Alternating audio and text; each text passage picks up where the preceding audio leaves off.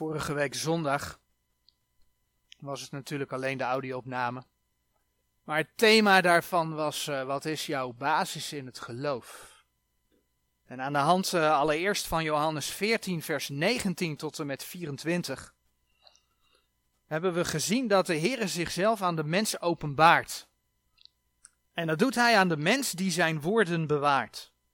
Dan komt hij bij je wonen. De Bijbel laat zien dat de Heer dan door zijn geest in je hart komt wonen. In je binnenste komt wonen. En het is dan Gods geest die je zal leren, die je, die je indachtig zal maken wat zijn woorden zijn. En zo konden we in dat gedeelte zien hoe de Heer zichzelf door zijn woorden heen aan mensen openbaart. En we hebben dan ook stilgestaan bij de vraag waar de basis van je geloof ligt. En de Heere openbaart zich door zijn woorden. Nou, aan de hand van Efeze 4, vers 11 tot en met 14, zagen we dat de Heere apostelen, profeten, evangelisten, herders en leraars als gaven aan de gemeente. Ja, en dan niet de plaatselijke gemeente, maar de gemeente, het lichaam van de Heer Jezus, gegeven heeft. En we hebben met name naar de apostelen gekeken. En gezien dat de Heer die apostelen een openbarende gave had gegeven. Hij verscheen rechtstreeks aan de apostelen om hen zijn woorden kenbaar te maken. Waardoor wij vandaag de dag Gods woorden, woorden beschikbaar hebben in zijn woord. Waardoor we erin kunnen lezen, waardoor we eruit kunnen leren. Nou, teksten die bij, daarbij uh, centraal hebben gestaan zijn Handelingen 26 vers 16, Gelaten 1 vers 11 en 12 en Efeze 3 vers 4 en 5. Apostelen waren ooggetuigen van de opstanding van de Heer Jezus. En die apostelen die hadden de merktekenen van een apostel. En wat hield dat in? Dat hield in dat door hun handen wonderen en tekenen gebeurden. Maar dan laat de Bijbel dus zien, 1 Korinthe 4 vers 9, dat er laatste apostelen geweest zijn. En in bijvoorbeeld Efeze 2 vers 20,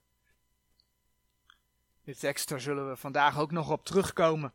Daar lees je dan ook dat apostelen tot het fundament van de gemeente behoren. Apostelen behoren tot de beginperiode van de gemeente. Efeze 2, vers 20, dat zegt gebouwd op het fundament der apostelen en profeten, waarvan Jezus Christus is de uiterste hoeksteen. Als je naar dat plaatje kijkt, een beetje klein nu, straks komt hij in het groot nog weer een keer voorbij.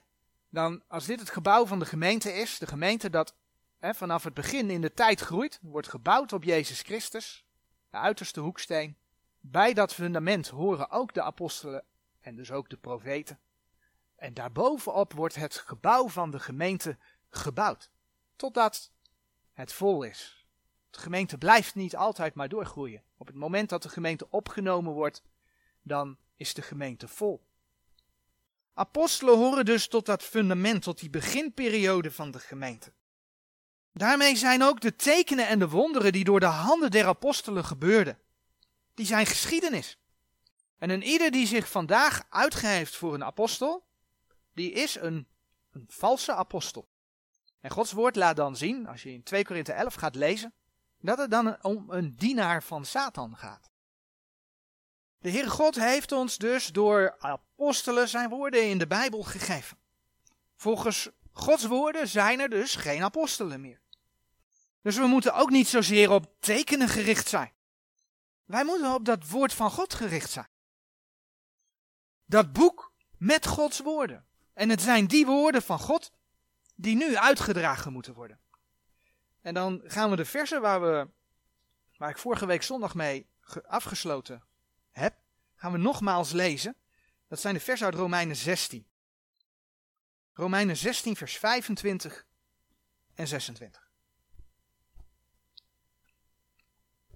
Hem nu die machtig is u te bevestigen naar mijn evangelie en de prediking van Jezus Christus, naar de openbaring der verborgenheid, die van de tijden der eeuwen verzwegen is geweest, maar nu geopenbaard is en door de profetische schriften naar het bevel des eeuwige Gods tot gehoorzaamheid des geloofs onder al de heidenen bekend is gemaakt.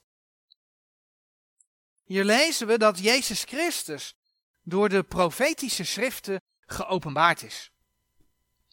De Heere God heeft zijn woorden door de apostelen gegeven. Hij heeft zichzelf daardoor geopenbaard. Maar dat zijn dus wel de profetische schriften. In dat woordje profetische, daar zit het woordje profetie in, daar zit het woordje profeet in. En daarbij willen we dan ook vanmorgen stilstaan. Want een van de gaven, en dan bladeren we opnieuw naar Efeze 4 vers 11. Efeze 4 vers 11.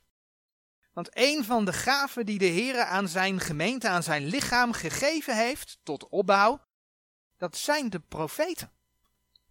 In Efeze 4 vers 11 hebben we die gaven gelezen. En dezelfde, dat is de Heere, heeft gegeven sommige tot apostelen en sommige tot profeten en sommige tot evangelisten en sommige tot herders en leraars. Wat waren of zijn die profeten? En wat was hun rol bij Gods openbaringen? Wat betekent dat voor ons vandaag de dag? Ik bedoel, zijn er vandaag nog profeten? Profiteren wij vandaag de dag nog? Nou, profeten zijn ons niet onbekend. Ik bedoel, in het Oude Testament zijn veel boeken door een profeet geschreven en dragen de naam van die profeet. Als je denkt aan Jezaja, aan Jeremia, Ezekiel, Daniel, Hosea, Joel, Amos, Obadja, Jona, Micha, Nahum, Habakkuk, Savanja, Haggai, Zacharia, Malachi. Profeten van het Oude Testament. Maar het zijn echt niet de enige profeten die we tegenkomen in dat Oude Testament. Er zijn er veel meer. In Genesis 20, vers 7. Daar wordt Abraham een profeet genoemd. En het mooie van Genesis 20, vers 7 is dat dat de eerste keer is dat het woordje profeet voorkomt in de Bijbel. Genesis 20, vers 7. Zo geeft dan nu de huisvrouw van deze man weder, want hij is een profeet. Het gaat me nu even niet om de context, de geschiedenis hier, maar Abraham wordt hier een profeet genoemd. Mozes wordt een profeet genoemd. Ga niet alle teksten opzoeken hoor. Deuteronomium 34 vers 10. Mozes wordt een profeet genoemd. Samuel wordt een profeet genoemd. 1 Samuel 3 vers 20. David wordt een profeet genoemd. Zo lezen we bijvoorbeeld in 1 Samuel 22 vers 5 over de profeet Gad. En in uh, eh, 2 Samuel 7 vers 2 die spreekt over de profeet Nathan. En dan nog is het lijstje niet compleet. Er zijn er worden veel meer profeten in de Bijbel genoemd. Maar wat was of is nu een profeet? Nou, een hele mooie omschrijving daarvan vinden we in Exodus. En de eerste verse die we opzoeken, dat is Exodus 7, vers 1. Dat uh, is de geschiedenis van de uittocht uit Egypte, waar Mozes en Aaron naar de farao gaan. En dan zie je in uh, Exodus 7, vers 1, en het eerste deel van vers 2 zie je het volgende staan. Toen zeide de Heere tot Mozes, zie ik heb u tot een God gezet over Farao. En Aaron uw broeder zal uw profeet zijn.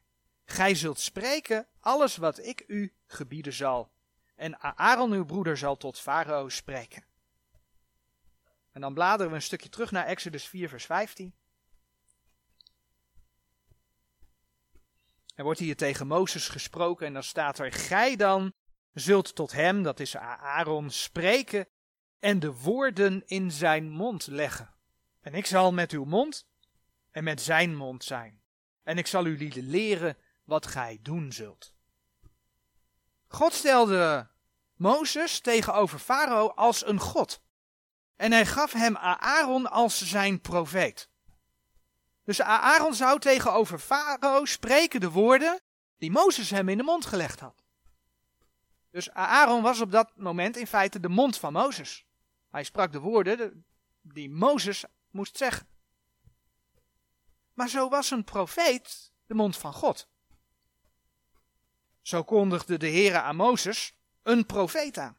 En ik denk dat we wel weten over wie dat gaat, de Heer Jezus. En die profetie die vinden we in Deuteronomium 18 vers 18 en 19. En dan zien we waarom de Heer Jezus een profeet was. Deuteronomium 18, vers 18 en 19. Profetisch gaat dat over de Heer Jezus Christus. Dan zegt de Heer tegen Mozes: Een profeet zal ik hun verwekken uit het midden hunner broederen, als u. En ik zal mijn woorden in zijn mond geven. En hij zal tot hen spreken alles wat ik hem gebieden zal. En het zal geschieden, de man die niet zal horen naar mijn woorden, die hij in mijn naam zal spreken, van die zal ik het zoeken. Dus de Heer Jezus wordt een profeet genoemd, omdat hij de woorden van de Vader sprak. Omdat hij de woorden van de Vader sprak die de Vader in zijn mond gelegd had. Terug naar Mozes en naar Aaron. Zoals Mozes aan Aaron de woorden in de mond legde, zo gaf de Heere God zijn woorden aan Mozes. Oftewel, Mozes was een profeet van God. De Heere openbaarde zichzelf rechtstreeks aan Mozes. We hebben gezien dat apostelen Gods woorden rechtstreeks geopenbaard kregen. Maar dat geldt dus ook voor de profeten. Nog een schriftgedeelte en dan bladeren we naar Efeze. Schriftgedeelte wat ook in, uh, in uh, het deel over de apostelen naar voren is gekomen. Maar in dat gedeelte zien we dat het niet alleen over de apostelen gaat, maar dat het ook over de profeten gaat. Efeze 3, vers 4 en 5. Dan zegt Paulus: Waaraan gij dit lezende kunt bemerken mijn wetenschap in deze verborgenheid van Christus, welke in andere eeuwen de kinderen der mensen niet is bekendgemaakt, gelijk zij nu is geopenbaard aan zijn heilige apostelen en profeten door de geest. En dat openbaren, ja, dat ging rechtstreeks. Doordat de Heer hen zijn woorden gaf. Doordat de Heer hen, en dan komt hij, een droom gaf. Doordat de Heer een teken gaf. Dat hoorde bij de profeten onder andere. Als we in Jeremia 23, vers 28 kijken.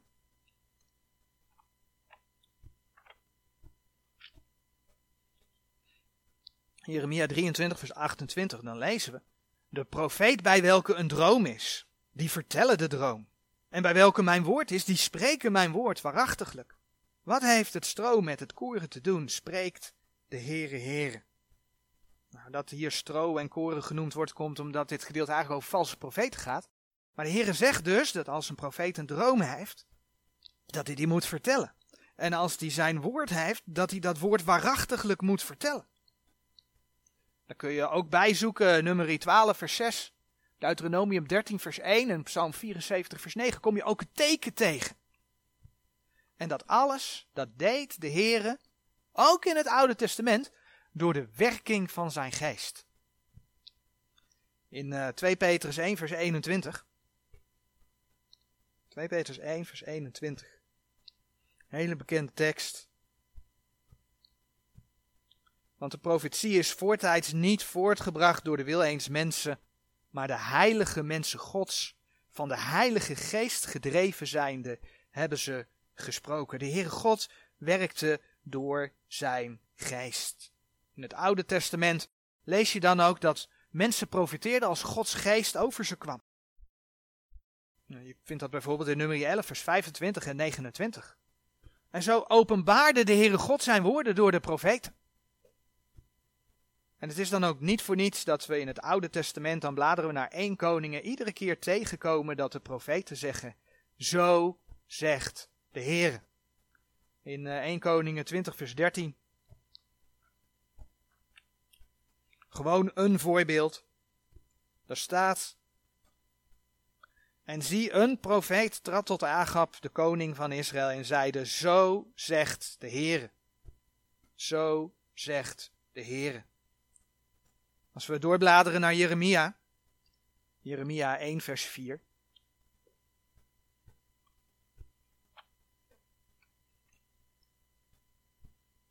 Zien we dat de profeet uh, schrijft: Het woord des Heren dan geschieden tot mij. Gaan we naar hoofdstuk 2 van Jeremia. Jeremia 2, vers 4 begint met: Hoort des Heren woord. En vers 5: zo zegt de Heer. Door Gods geest geleid sprak een profeet woorden die God hem in de mond had gelegd. Het zijn dus Gods woorden. Nou, we noemden al even Abraham in Genesis 20, vers 7. Dan laten we even bladeren naar Genesis 18 vers, uh, 18, vers 22. Abraham, die ook een profeet genoemd wordt. En in uh, Abrahams geschiedenis kun je dan ook lezen dat de Heer zich rechtstreeks aan Abraham openbaarde.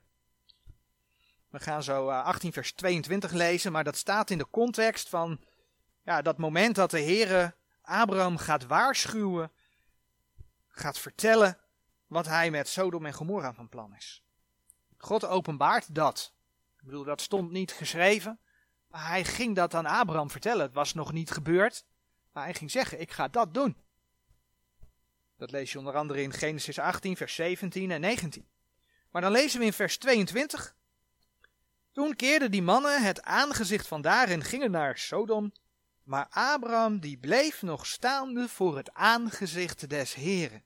En dan komt het gedeelte waar Abraham met de Heren sprak en waar Abraham voorbeden deed voor Sodom en Gomorra. Dus Abraham stond voor het aangezicht des Heren en hij deed voorbeden voor Sodom en Gomorra. En de Heere openbaarde wat hij ging doen. Nou, we hebben al een paar teksten, Efeze 3, vers 4 en 5 onder andere, uit het Nieuwe Testament gezien over profeten. Maar de meeste voorbeelden gingen over het Oude Testament. Maar ook in het Nieuwe Testament komen we profeten tegen als we naar Handelingen bladeren. Handelingen 11. Handelingen 11, vers 27 en 28. Waar we lezen. En in dezelfde dagen kwamen enige profeten af van Jeruzalem te Antiochië. En een uit hen, met name Agabus, stond op en gaf te kennen door de geest dat er een grote hongersnood zou wijzen over de gehele wereld, de welke ook gekomen is onder de keizer Claudius. Hij geeft iets te kennen wat niet geschreven is. God heeft hem dat geopenbaard en het is gekomen, het is uitgekomen. Als een profeet. Handelingen 13, vers 1. Daar vind je verschillende profeten bij namen genoemd. In Handelingen 13, vers 1, daar staat. En er waren te Antiochieën in de gemeente die daar was enige profeten en leraars, namelijk Barnabas en Simeon, genaamd Niger en Lucius van Cyrene en Manahen, die met Herodes de viervorst opgevoed was, en Saulus. En als je in Handelingen 15, vers 32 kijkt, dan zie je dat er ook nog sprake is van Judas en Silas. We hebben best een aantal profeten in handelingen gezien. Maar dan een belangrijke vraag. Waren die nieuwtestamentische profeten nu anders dan de oud-testamentische profeten? Dat is namelijk wat je nog wel eens hoort. Waren die profeten anders? Nou, in Handelingen 11, vers 28 hebben we net gelezen over Agabus. En Agabus gaf te kennen door de geest. En van diezelfde profeet lezen we een paar bladzijden verder in Handelingen 21. Vers 10 en 11 het volgende. Handelingen 21, vers 10. En als wij daar vele dagen gebleven waren, kwam er een zeker profeet af van Judea met name Agabus. En hij kwam tot ons en nam de gordel van Paulus en zijn zelfs handen en voeten gebonden hebbende zeide, dit zegt de Heilige Geest. De man wiens deze gordel is, zullen de Joden alzo te Jeruzalem binden en overleveren in de handen der heidenen. Wat we lezen is dat de profeet Agabus, net als de profeten van het Oude Testament, zei: Zo zegt de Heilige Geest. Zo zegt de Heer. En vervolgens komt hij niet met een citaat uit het Oude Testament. Nee, hij openbaart iets hij laat iets zien wat de Heer hem geopenbaard heeft. Namelijk dat Paulus gevangen genomen gaat worden. Nou, eenzelfde soort situatie, en daar komen we straks nog, uh, nog weer bij, vind je ook in 1 Korinthe 14 vers 24 en 25. Dus dat kenmerkt een profeet. Een profeet die vertelt iets nieuws, omdat de Heere God het hem geopenbaard heeft. En uh, dat uh, vinden we bijvoorbeeld in de profeet Jezaja ook, ook heel mooi omschreven. Jezaja 42 vers 8 en 9. Maar de Heere zegt, ik ben de Heere, dat is mijn naam, en mijn eer zal ik aan geen ander geven, nog mijn lofte gesneden beelden. Zie, de voorgaande dingen zijn gekomen, en nieuwe dingen verkondig ik. eer dat zij uitspruiten, spruiten, doe ik u lieden die horen. Voordat het gebeurt, zegt God, heb ik het bekendgemaakt. Want dan weet je namelijk dat het God is die het gezegd heeft, omdat het ook uitkomt, dat het waar is. Profeten zeggen door de Heer nieuwe dingen over de toekomst voordat die plaatsvinden.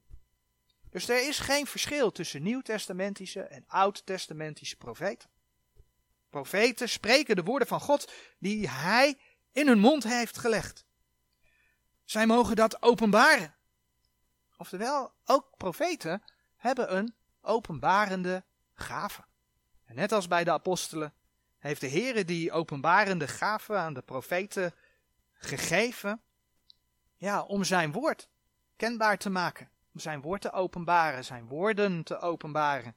Zodat wij die nu in de Statenbijbel hebben, kunnen lezen, kunnen studeren, kunnen weten wat God gezegd heeft. Opnieuw de teksten, Romeinen 16 vers 25 en 26, Efeze 3 vers 4 en 5 en 2 Petrus 1 vers 21. Tegelijk lezen we in die versen van Jezaja. Ik noemde het net al even. Wat profetie tot ja, werkelijkheid maakt. De dingen door de Here via een profeet gezegd, die dingen die komen. Het gaat gewoon gebeuren. En op verschillende plaatsen in Gods woord maakt de Heer duidelijk wat het verschil is tussen zijn woorden, die door zijn profeten gesproken zijn, en tussen woorden die gesproken zijn door valse profeten. En een voorbeeld vinden we in uh, Deuteronomium 18. Deuteronomium 18. En dan vers 21 eh, en 22. Waar we lezen, zo gij dan in uw hart zoudt mogen zeggen, hoe zullen wij het woord kennen dat de Heere niet gesproken heeft? Wanneer die profeet in de naam des Heeren zal hebben gesproken, en dat woord geschiet niet en komt niet, dat is het woord dat de Heere niet gesproken heeft. Door trotsheid heeft die profeet dat gesproken, gij zult voor hem niet vrezen.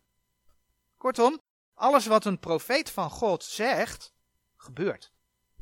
Gods woorden zijn de waarheid, hè? Johannes 17, vers 17. En hoe mooi zien we dat in de Bijbel. Al die profetieën over de eerste komst van de Heer Jezus, die zijn in vervulling gegaan. Micha 5 vers 1 zegt dat de Heer Jezus geboren zou worden in Bethlehem. Nou, Matthäus 2 vers 1 en 2, dat is 740 jaar ongeveer later te boek gesteld. Jezaja leefde zo 700 jaar na Christus en Matthäus schreef het Matthäus-evangelie in, ongeveer 40 na Christus. Dus 740 jaar later is dat de boek gesteld. Dat de Heer Jezus in Bethlehem geboren is. Dat is gewoon letterlijk gebeurd. Maar denk aan Jezaja. Hè? Jezaja die schrijft in, eh, in hoofdstuk 53 vers 1 tot en met 12. Waarom de Messias moest komen. En dat deed hij ook ver voor de geboorte van de Heer Jezus. En hij schreef over zijn lijden en sterven. En dat dat was vanwege de overtredingen, vanwege de ongerechtigheid, vanwege de zonde van de mensen. En dat dat sterven van, die, van dat, dat lijden van de Messias, dat dat vrede met God teweeg zou brengen. Dat lees je allemaal in Jesaja 53, vers 1 tot en met 12. Omdat mensen daardoor rechtvaardig gemaakt zouden gaan worden. Dat lees je ook in Jesaja 53, vers 1 tot en met 12. Nou, vele jaren later mogen de apostelen daarvan getuigen en het opschrijven in de evangelie en de brieven. Dat de Heer daadwerkelijk gekomen is, geleden heeft, gestorven is, maar ook opgestaan is. En dat dat geloof in die woorden van God eeuwig leven geeft. Als je daar teksten op na wilt slaan, we zoeken zo meteen eh, Romeinen 5 als, als voorbeeld, hebben we vanmorgen het eerste uur ook gelezen.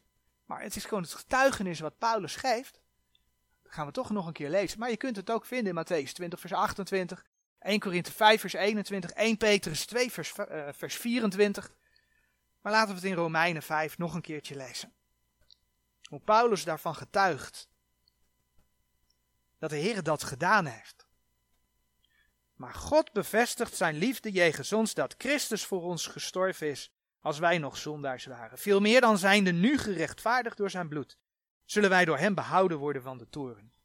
Want indien wij vijanden zijnde met God verzoend zijn door de dood zijn zoons, veel meer zullen wij verzoend zijnde behouden worden door zijn leven. De apostelen getuigen ervan. De profetieën gedaan over de Heer Jezus Christus zijn uitgekomen. De profeten hadden een openbarende gave. En door die profetieën die zij gedaan hebben, die letterlijk uitkwamen, uitkomen, bewees de Heere God de waarheid van zijn woorden. En ieder kan dat zelf onderzoeken. Door die woorden van God ja, tot zich te nemen. Nou zijn er meer testen voor valse profeten. Voor profeten, valse profeten. En een aantal eh, daarvan die staan hier op de dia. Gaan we niet allemaal langslopen. We hebben net Deuteronomium 18 vers 21 en 22 gelezen. Maar je hebt ook Deuteronomium 13 vers 1 tot en met 3. Jeremia 23 vers 9 tot en met 23. En 1 Korinthe 14 vers 29 tot en met 37. Zoals gezegd, we gaan ze niet allemaal langs. Laten we gewoon direct de vraag stellen die we bij de apostelen ons ook gesteld hebben. Zijn er vandaag de dag nog profeten? Zijn er vandaag de dag nog profeten? We hebben zojuist gezien dat profeten zowel in het Oude als in het Nieuwe Testament een openbarende gave hadden. Om Gods woorden aan de mensen te geven. De apostelen met die zelf de openbarende gave. Daarvan staat geschreven dat er laatste apostelen waren. In het begin van de gemeentetijd waren ze er. Maar ze zijn er een groot deel van de gemeentetijd niet geweest. Apostelen waren ooggetuigen van de opstanding van de Heer Jezus. Dat is niet veel verder dan uh, eh, 100 na Christus gekomen. Daarna waren er geen apostelen meer. Maar hoe zit dat met profeten?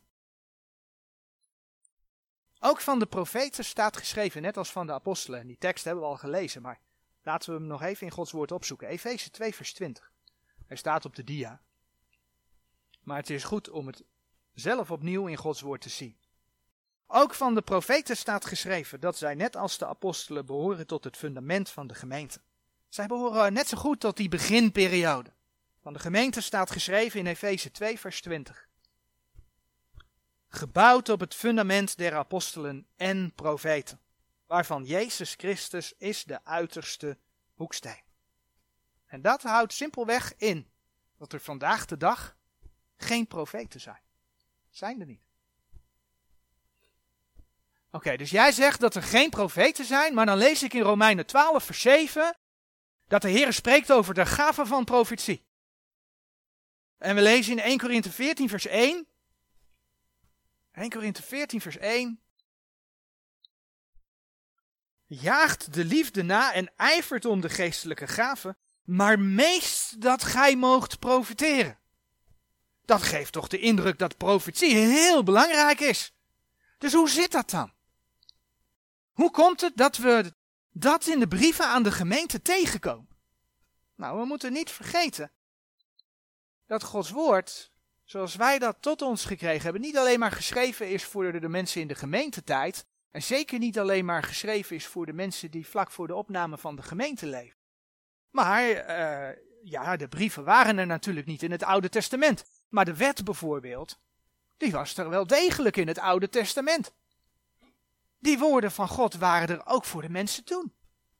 En die woorden van God zijn er ook op het moment dat men in de grote verdrukking leeft.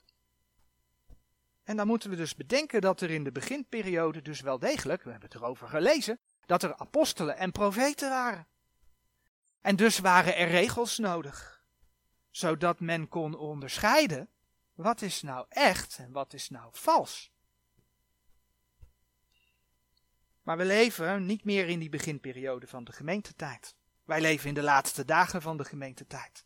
Ja, en als je dan gaat kijken wat de Heer weer openbaart hè, in zijn woorden, over de eindtijd, dan komt er afval van geloof, en dan komen er uh, leringen der duivelen en verleidende geesten, en dan zijn er vele valse profeten uitgegaan.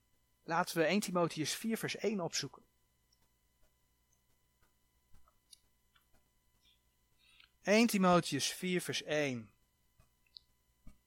Doch de geest zegt duidelijk dat in de laatste tijden sommigen zullen afvallen van het geloof, zich begevende tot verleidende geesten en leringen der duivelen. En als we even doorbladeren naar 1 Johannes 4 vers 1. 1 Johannes 4 vers 1. Geliefden, geliefden, gelooft niet een iegelijke geest, maar beproeft de geesten of zij uit God zijn, want vele valse profeten zijn uitgegaan in de wereld. Je bent dus gewaarschuwd. Je snapt waarom ik Romeinen 12 vers 7 over de gave van profetie in 1 Korinthe 14 vers 1 bij die eerste 100 jaar heb gezet. Dat was toen nodig, dat die regels er waren. En ieder die zich in deze tijd van de gemeente uitgeeft voor profeet, als er geen profeten zijn, maar die dus wel zegt namens de Heere God te spreken, en dan niet zijn woord citeert, maar iets daarbuiten. Die is dus een valse profeet. Die is per definitie een valse profeet. Al heel wat jaren geleden was ik bij een doopdienst. Een doopdienst in een uh, Pinkstergemeente waar een vrouw onder andere gedoopt werd. En die vrouw die werd toegesproken door de voorganger. En die voorganger die vertelde haar dat zij de gemeente dienstbaar zou gaan worden doordat zij woorden van de Here zou gaan ontvangen. En op die manier gaf die voorganger die vrouw dus een gave, tenminste. Maar als zij dus woorden van de Here zou krijgen, dienstbaar voor de gemeente, dan gaf de beste man dus eigenlijk aan dat zij een profetes zou zijn. Want dat is openbarende gaaf, hè? Profetes. Nou, even los van het feit dat profetie vandaag de dag niet voorkomt, hebben we net gezien. Stel dat het wel zou voortkomen. Even los daarvan was deze man op grond van Gods woord een valse profeet. En waarom was deze man een valse profeet? Omdat hij zei namens God te spreken en hij ging tegen Gods woord in. Laten we naar 1 Korinthe 14 bladeren. Want juist in de context van bijvoorbeeld 1 Korinthe 14 vers 32 wat over profiteren gaat. 1 Korinthe 14 vers 32 zegt, en de geesten der profeten zijn de geesten onderworpen. Het gaat dus over profeten, dit gedeelte. Het gaat over talen en het gaat over profeten, maar het laatste deeltje spitst zich wat toe op profetie. En juist als het daar over profiteren gaat, dan lezen we in vers 34 dat uw vrouwen in de gemeente zwijgen. Want het is haar niet toegelaten te spreken maar bevolen onderworpen te zijn, gelijk ook de wet zegt. Vers 35.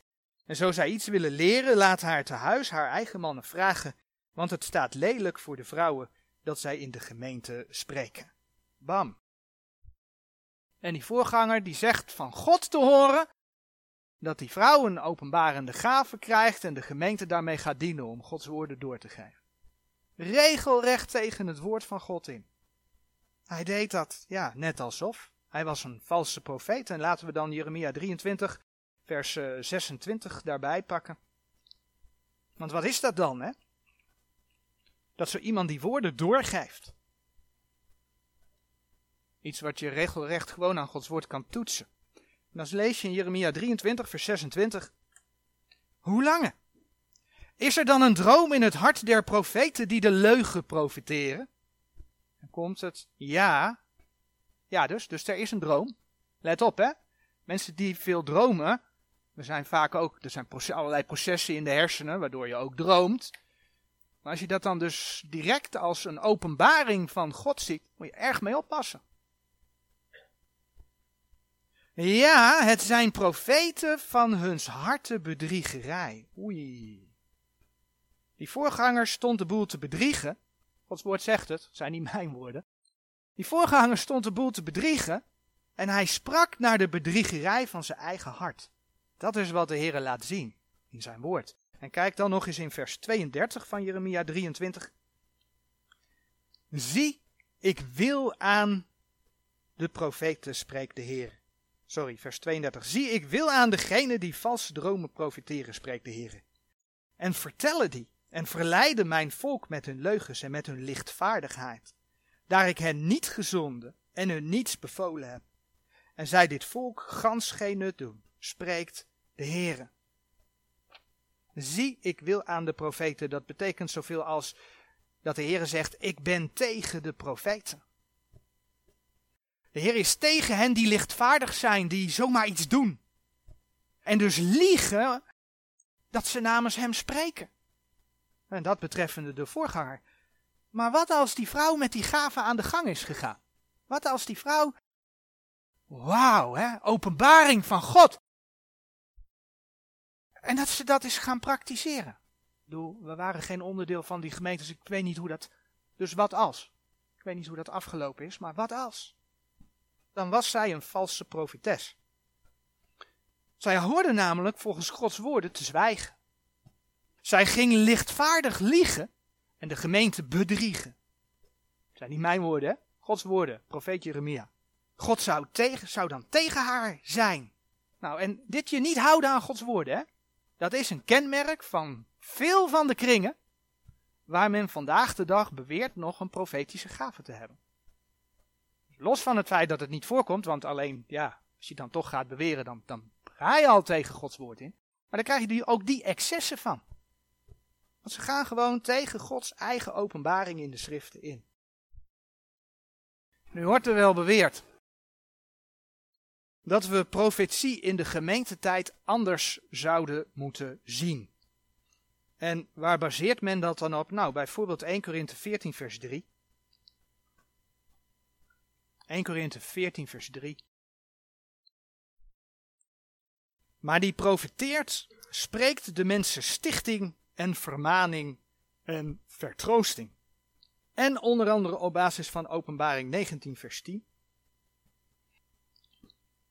Waar geschreven staat: En ik viel neder voor zijn voeten om hem te aanbidden. En hij zeide tot mij: Zie dat gij dat niet doet. Ik ben uw mededienstknecht en uw broederen, die de getuigenis van Jezus hebben. Aanbid God, want de getuigenis van Jezus is de geest der profetie. En dan wordt er zoiets gezegd als: Als wij van de Heer Jezus getuigen op basis van de schriften, dan zijn we bezig met profetie. En dan zouden we dus ook vandaag de dag, als we Gods woorden doorgeven, profiteren. Maar weet je, dan knip je die twee versen los die we gelezen hebben van alles wat we over profeten en profetieën gezien hebben. En dan ga je van 1 Korinthe 14 vers 3 ga je een definitie maken. Dan ga je van openbaring 19 vers 10 een definitie maken, zonder op al die andere facetten te letten. Ik bedoel, we hebben toch gezien dat ook de profeten in handelingen informatie ontvangen, ontvingen, rechtstreeks van de Heere God. We hebben dat gezien in, in uh, Handelingen 11, vers 28, uh, eh, Handelingen 21, vers 10 en 11 als voorbeeld. Als je dus in 1 Korinthe 14 kijkt, kun je naar vers 24 en 25 kijken. En dan zie je dat er iets uit het hart van mensen geopenbaard wordt. Kan alleen maar door de Heere God zijn. Dat staat namelijk niet in de schrift. Dus ja, de profeten hadden heel gewoon een openbarende gave. En als we dan Handelingen 15, vers 32 erbij pakken, dan zie je dat die profeten met hun openbarende gave spraken tot stichting en vermaning en vertroosting. Want bijvoorbeeld in Handelingen 15, vers 32 lezen we over die profeten. Judas nu en Silas, die ook zelf profeten waren, vermaanden de broeders met vele woorden en versterkten hen. Daarom was profetie in het begin ook zo'n belangrijke gave, omdat het mensen vermaande, mensen stichtte en ze opbouwde. Maar dat doet niets af aan het feit dat de Heere openbaart in zijn woorden dat de profeten en daarmee de profetie gegeven was aan de gemeente in de begintijd. Oké, maar wat houdt het dan in wat we in openbaring gelezen hebben? De getuigenis van Jezus is de geest der profetie. Wat houdt dat dan in? Nou, dat is niet zo heel moeilijk. Ik bedoel, we hebben bij de profetieën een beetje stilgestaan. Eh, in het Oude Testament, die de Heer door de profeten gaf, die zeiden iets van de eerste komst van wie? Van de Heer Jezus. Al die profeten zijn letterlijk in vervulling gaan. Dat getuigde van de Heer Jezus Christus. Er zijn nog heel veel profetieën die nog in vervulling moeten gaan over zijn tweede komst. Maar wie ze zijn, dat is de Heer Jezus. De profetieën spreken over Jezus Christus. Laten we als voorbeeld lezen Handelingen 10, vers 43. Handelingen 10, vers 43. Daar staat deze, en deze, dat betekent van deze, dat is een verwijzing naar de Heer Jezus. Deze geven getuigenis al de profeten. Hier staat dat de profeten getuigen van Jezus Christus dat een iegelijk die in hem gelooft vergeving der zonde ontvangen zal door zijn naam. Daar getuigen de profeten van. Dus is de geest van de profetieën de getuigenis van Jezus Christus. Wanneer wij van mensen, of van wanneer wij met mensen spreken over dingen, uit bijvoorbeeld het Bijbelboek, ik, noem een profeet Daniel. Of over de brief 2 Thessalonicense, hoofdstuk 2. Het gaat over de komst van de antichrist. Die zich in de tempel zal zetten. Of het Bijbelboek Openbaringen. Dan profiteren wij niet. Echt niet. Wij profiteren niet. Wij, wij, wij, wij, wij brengen niets nieuws in. Wij baseren ons op Gods woord. Dan spreken wij met mensen over Gods woorden. En daar worden we ook nog eens een keer bij opgeroepen, onder andere Openbaring 22, vers 18 en 19, om daar niet aan toe te voegen en om daar niet van af te doen. Dus we brengen niets nieuws in, zoals de profeten dat wel doen. Wat wij doen is dus niet profiteren, maar wij maken de profetische schriften, Romeinen 16, en daar bladeren we. Oh nee, hij staat ook op de dia, je mag er ook naartoe bladeren. Wij maken de profetische schriften bekend. Dat is wat wij als gemeente in deze tijd horen te doen. Dat is wat je naar je naaste mag doen. Dat is wat in de verkondiging hoort te gebeuren. Nog eenmaal. Romeinen 16, vers 25 en 26. Hem nu die machtig is te bevestigen naar mijn evangelie. En de prediking van Jezus Christus. Naar de openbaring der verborgenheid die van de tijden der eeuwen verzwegen is geweest, maar nu geopenbaard is Pak je de andere teksten erbij, dan weet je dat Heer dat aan zijn apostelen en profeten geopenbaard heeft.